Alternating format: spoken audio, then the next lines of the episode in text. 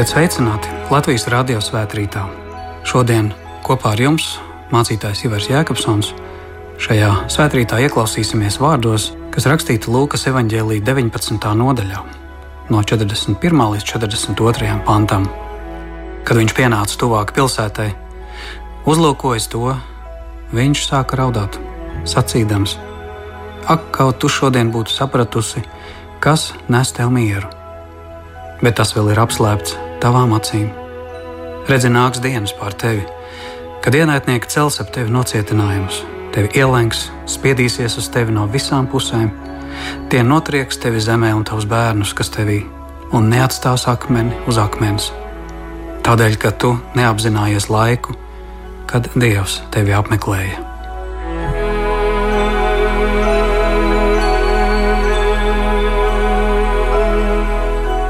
Mēs lūdzam Tevi, Kungs, svētī mūsu šī Tava vārda patiesībā. Āmen!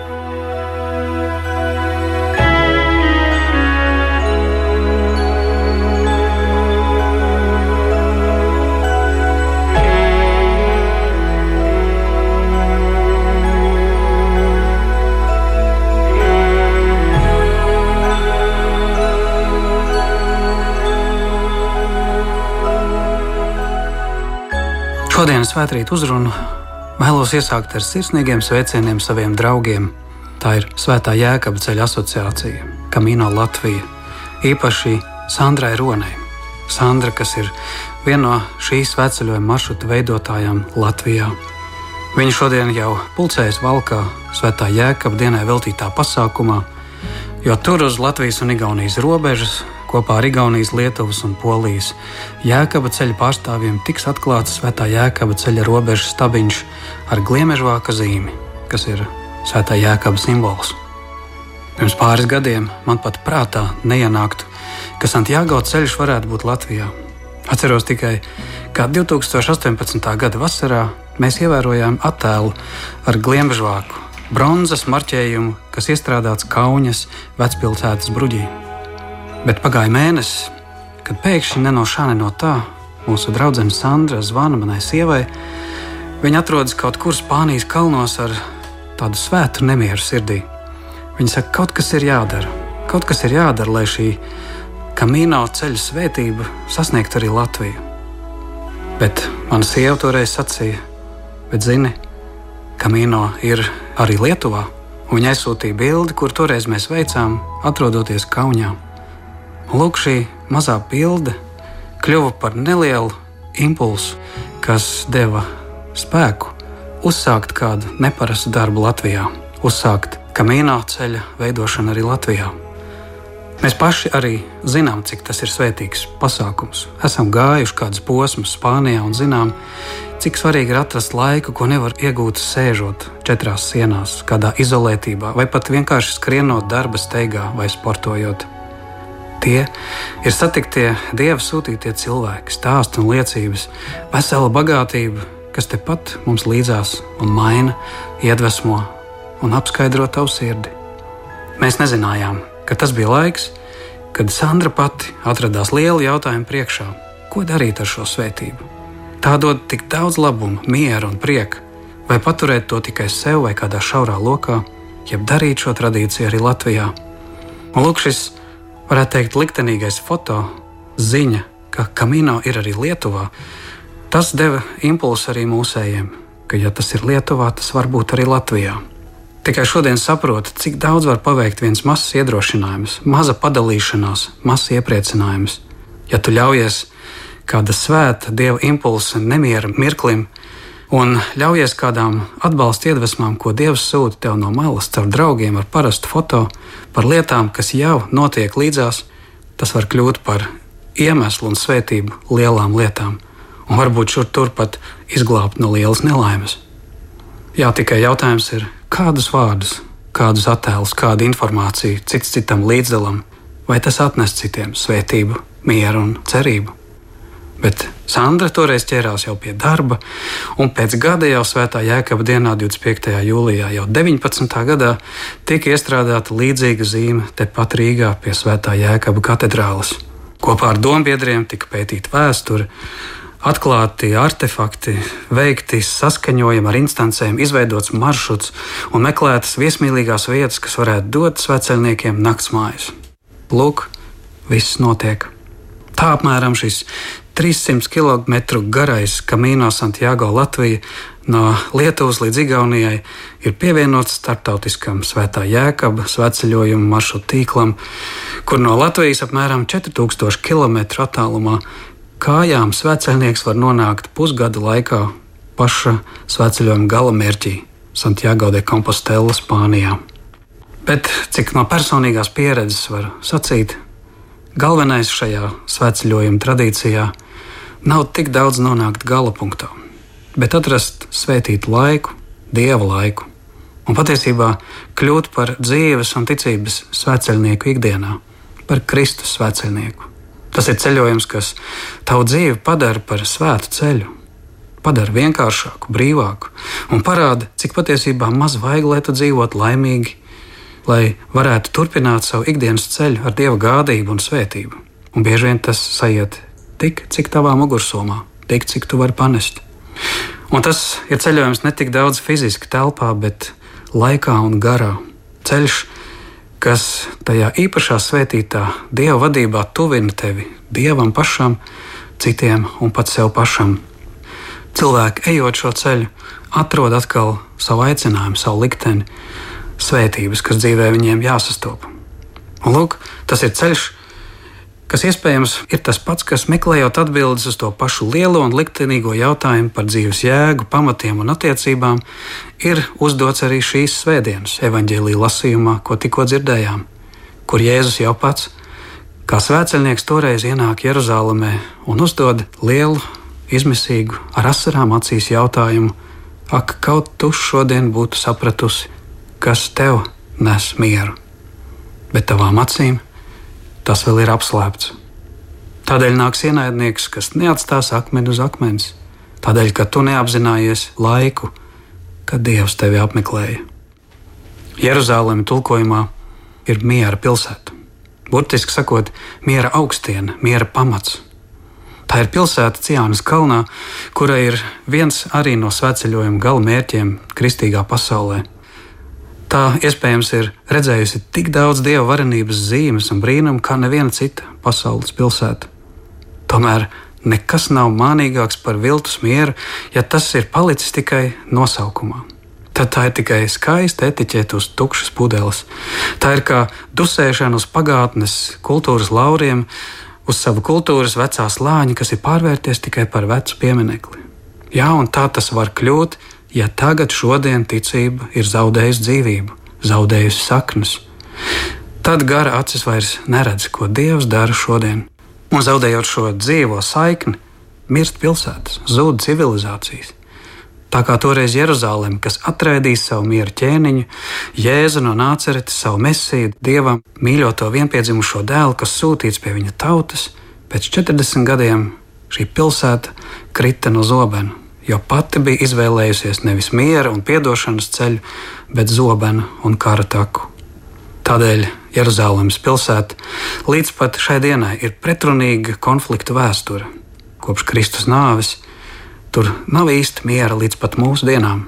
Un tomēr tieši tur, šajā epicentrā, atnāca pasaules pestītājs, vārds, kas tapa miesa un mājoja mūsu vidū, un mēs skatījām viņa godību. Un tāpat viņš nāk arī pie mums uz katru pilsētu šeit, mūsu zemē, mūsu tautā, lai kāda būtu mūsu vēsture un mūsu spriedumi par Jēzu. Viņš nāk, lai nestu mieru arī mums, dieva mieru, izlīdzināšanos ar Dievu. Un viņš jautā arī tev un man šorīt, ak, kaut tu šodien būtu sapratusi, kas tev nes mieru. Kur mēs to meklējam? Ar kādiem līdzekļiem to sasniedzam? Bet man šķiet, tas ir tas, pēc kā ilgojas cilvēks un ko meklē visu mūžu. Droši vien miers, tas īstais miers, ir vispieprasītākā prece pasaulē. To meklē tik dažādos veidos. To lūdz, meditē, mēģina nopirkt, nodrošināt ar ieročiem un politiskiem līgumiem, ieplāno ar labiem mājokļiem, mēģina iedzert ar stiprām, nomierinošām zālēm, vai dārgām ārstu konsultācijām, vai smalkiem ceļojumiem.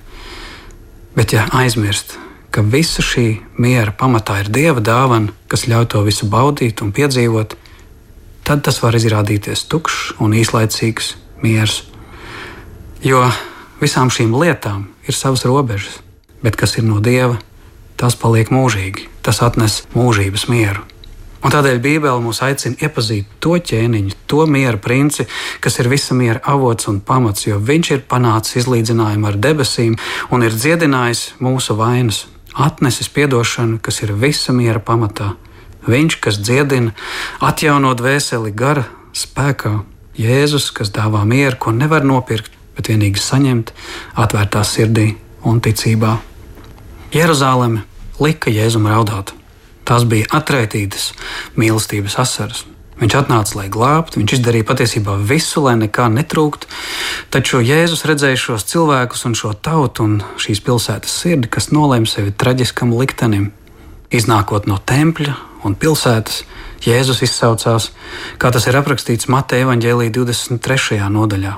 Jeruzaleme, Jeruzaleme, tu, kas nonāvē praviešus un nomētā akmeņiem tos, kas pie tevis sūtīti, cik bieži es gribēju sapulcināt vienopus tavus bērnus, kā putns pulcina mazuļus zem saviem spārniem, bet jūs negribējāt. Redzi, jūsu nams jums ir atstāts, izpostīts un pamests. Tāpat arī mūsdienās daudzi nenovērtē Jēzus nozīmi. Un varbūt ir par lepniem, lai atgrieztos un atzītu savus grēkus, pieņemtu šo žēlastību.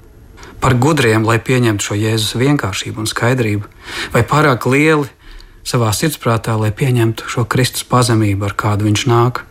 Kā toreiz, tā šodien atrodas cilvēki, kas pasaka nē Dieva mīlestībai, kas Kristū ir atnākusi. Kristus saka, es gribēju kā putns mazuļus pulcināt zem saviem spārniem, bet jūs negribējāt. Ja tas ir grūti atbildams jautājums, kāpēc tieši negribēju toreiz un negribu šodien, kas ir tās lielās vainas? Tā ir cilvēka gribas mistērija - atsaukties vai neatsaukties. Vai Jēzum nebija pietiekoši izteiksmes līdzekļu un argumenti, lai visus pārliecinātu? Man šķiet, ka Jēzus izdarīja visu. Viņš runāja skaidrā, tā laika tautas valodā, viņa dzīve bija svēta un nevainojama, viņa vārdi bija vareni.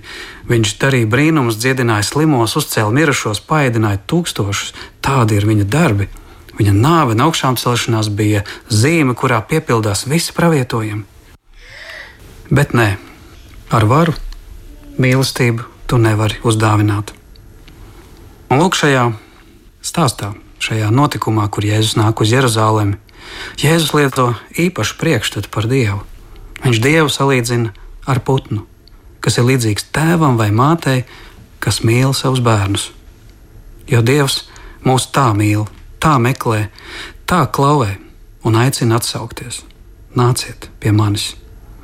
Mēs dzīvojam patiesībā Dieva gribētā, mīlētā un svētītā pasaulē, un Viņa mīlestība nebeidzas pat, ja cilvēki ir ienesuši pasaulē grēku, ciešanas un nāvi. Bet kaut kad mēs paši varam pārkāpt to robežu, no kuras var nebūt ceļa atpakaļ. Jēzus gribēja, Jēzus izdarīja visu, bet viņš toreiz redz šīs robežas. Jūs negribējāt, un tas kļuva par postu, kas ir garīga pagrimuma sekas. Kad cilvēks aiziet no dieva, viņš kļūst kā nogriezts zieds, kas aiziet bojā, izkalst un paliek viens nosaukums. Tas pazaudē savas dziļākās saknes, savu es, kas balstās mūžīgajā. Bet cilvēks, kas atsaucas, atveras, atgriežas pie Dieva, tas atgūst savu dzīves jēgu, mieru, prieku, piepildījumu. Un tas noliek cilvēku īpašās attiecībās, kas ļauj viņam piedzīvot, ka tagad Katru brīdi ir žēlstības brīdis, un Dievs ir klāt, lai kas ar tevi notiktu. Tas liek izjust mieru pat vētrās un cīņās. Lai kādi vīrusi un krīzes nāktu pāri, Dievs saka, es esmu ar tevi. Mēs kopā šķērsosim tūkstnešus un jūras, mēs sasniegsim mērķi.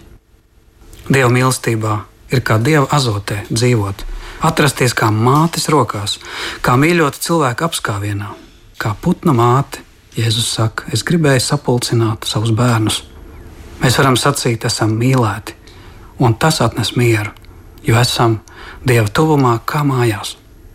Un tas ir tāpat kā atrasties tēvam pie rokas, drošībā. Un tas ir miers, ka par visu tiks gādāts. Es varu doties pat piedzīvojumos, izaicinājumos, pārbaudījumos un tādā veidā augt garīgi, bet Dievs man iet līdzās. Tēva rokas apskāvienā esmu drošībā. Un tad, kad mēs piedzīvojam šo svētību, miers atnāk arī kā atrisināts konflikts, kā nomaksāts parāds. Jo, ja arī es esmu kļuvis parādā, neatsaucies labajam un darīs ļaunu, Kristus dēļ es varu atgriezties, man var tikt piedots, un miers var tikt atkal atgūts. Lūk, cilvēks, dzīvojot ar Dievu, var dzīvot apmierināts, laimīgs saskaņā ar Dievu. Miers var atnākt tavā sirdī kā pēc labi padarīta darba, labi nodzīvotas dienas un dzīves. Tu vari dienu noslēgt ar pateicību. Tas ir kā dzīves ceļā atsaukties svētajam aicinājumam, kas liek kaut ko labu izdarīt, vai nu uzcelt dievnam, izveidot Santiago ceļu, vai kāds cits sapnis tavai dzīvei, ko tu vēlies, ko Dievs kā tādu iedvesmu tev ir ielicis sirdī, kam tu esi atsaucies. Un tu tik ilgi neatradīsi mieru, kamēr to piepildīsi. Jā, tā svēta nemiera dzīta, mūsu draudzene Sandra zvanīja mums un sacīja, ko lai es daru ar jēkabu ceļu Latvijā. Un tagad šis sapnis notiek. Bet, ja dzīvē es dzīvoju nemierā, ja ir kaut kas, par ko sirdsapziņa man apsūdz, Kādēļ to turpināt? Kādēļ to atlikt uz rītdienu, kad laiks varbūt beigsies? Jā, ja es sistemātiski un stūrgalvīgi eju prom pretējā virzienā, nav teikts, ka es atradīšu Dievu un viņa mieru. Vienotībā un ceļā kopā ar Dievu ir Dieva miers, kas augstāks kā cilvēka prāts un saprāšana. Tas ir Dieva bērnu miers. Tas ļāva Jēzum pat vētrā gulēt un zināt, ka viss būs labi. Tā ir mīlestība, miers un prieks svētajā garā. Tas rada tādu brīnumu, kas piepilda ar dziļu mieru katru tavu dzīves situāciju. Un lai kādi vīrusi, vētras un pārmaiņas iet pāri, Dievs savai tautai saka: Es esmu ar tevi. Un tā vairs nav tikai kāda teorija, bet ticība un pieredze, kas caurstrāvo visas tavas izjūtas, prātu un gribu, jo Dieva tuvumu spārnu ēnā es patveros. Tādēļ mūsu lūgšana, lai ir sastopot Dieva svētību, dodoties kādā ceļā vai ienākot dievnamā, lai Dieva miers ienāk kā gara auglis visās manas dzīves sfērās, domās, vārdos, darbos, sajūtās un vēlmēs. Esot reiz Spānijas kamīno ceļā pie Pamplonas, mēs satikām kādu kristiešu kopienu, kuri kalpo ar lūgšanām. Tur kāda klostera māsa iedeva mums svētceļnieku svētības. Tie ir izteikumi, kas parāda to, ka šajā Kristus ceļā ejot un patiesībā ikdienas ceļā svētceļojot kopā ar Kristu, mēs varam dzīvot Dieva mierā un svētībā. Svētīgs tu esi svētceļnieks, ja tu atklāji, ka kamīno, jeb šis svētceļojums, atver tavas acis neredzamajam. Svētīgs tu esi svētceļnieks, Ja tev pašam tas nenozīmē tik daudz nonākt gala punktā, bet ierasties kopā ar citiem. Svētīgs tu esi svēceļnieks, ka tu apdomā šo ceļu un ievēro, ka tas ir pilns ar vārdiem un atskārsmēm. Un svētīgs tu esi, ja tu esi atklājis, ka patiesais ceļš sākas tad, kad šis svētceļojums būs beidzies. Svētīgs tu esi svētceļnieks, ja tava mugursoma iztukšojas no liekajām mantām, bet tava sirds piepildās ar daudzām sajūtām Un svētīgs tu esi svētceļnieks, ja tu atklāji, ka viens solis atpakaļ dzīvē, lai palīdzētu citam, ir daudz vērtīgāks par simts soļiem uz priekšu, neredzot, kas notiek līdzās. Svētīgs tu esi svētceļnieks, ja tev pietrūkst vārdu, lai izteiktu visu, kas tevi pārsteidz, katra ceļa līkuma pagriezienā. Un svētīgs tu esi svētceļnieks, ja tu meklē patiesību un padari šo kamīno par dzīvi un dzīvi par ceļu, meklējot to vienu kurš ir ceļš, patiesība un dzīvība. Svētīgs tu esi, svēceļnieks, ja ceļā tu satiec pats sevi un dāvini sev laiku bez steigas, kurā tu neatstāji neievērot to, kas tavā sirdī. Svētīgs tu esi, svēceļnieks, ja tu atklāji šos kamīno sveceļojuma daudzos klusuma brīžus, un klusumā lūgšanu, lūgšanā satikšanos ar tēvu, kurš tevi gaida. Kāda māsa komentēja šo svētību vārdus, sacīja, ka to vajadzētu dzīvot ikdienā, un ne tikai tajā īpašā svētceļojuma laikā. Jā, varam to iedvesmu ņemt arī dzīvē Latvijā. Un piedzīvot Latvijā, to varam dzīvot ikdienā. Un tad tu zināsi, kas patiešām tev atnes mieru. Un tad tas kļūs arī tev par patiesu mieru pilsētu, miera augstieni, miera pamatu, par debesu Jeruzalemi tavā sirdī, tavā ģimenē, tavā draudzē, tavā pilsētā, tavā tautā. Jēzus tieši to mums katram gribēja atnest ar jautājumu, kaut tu zinātu, kas tev atnes mieru. Āmen!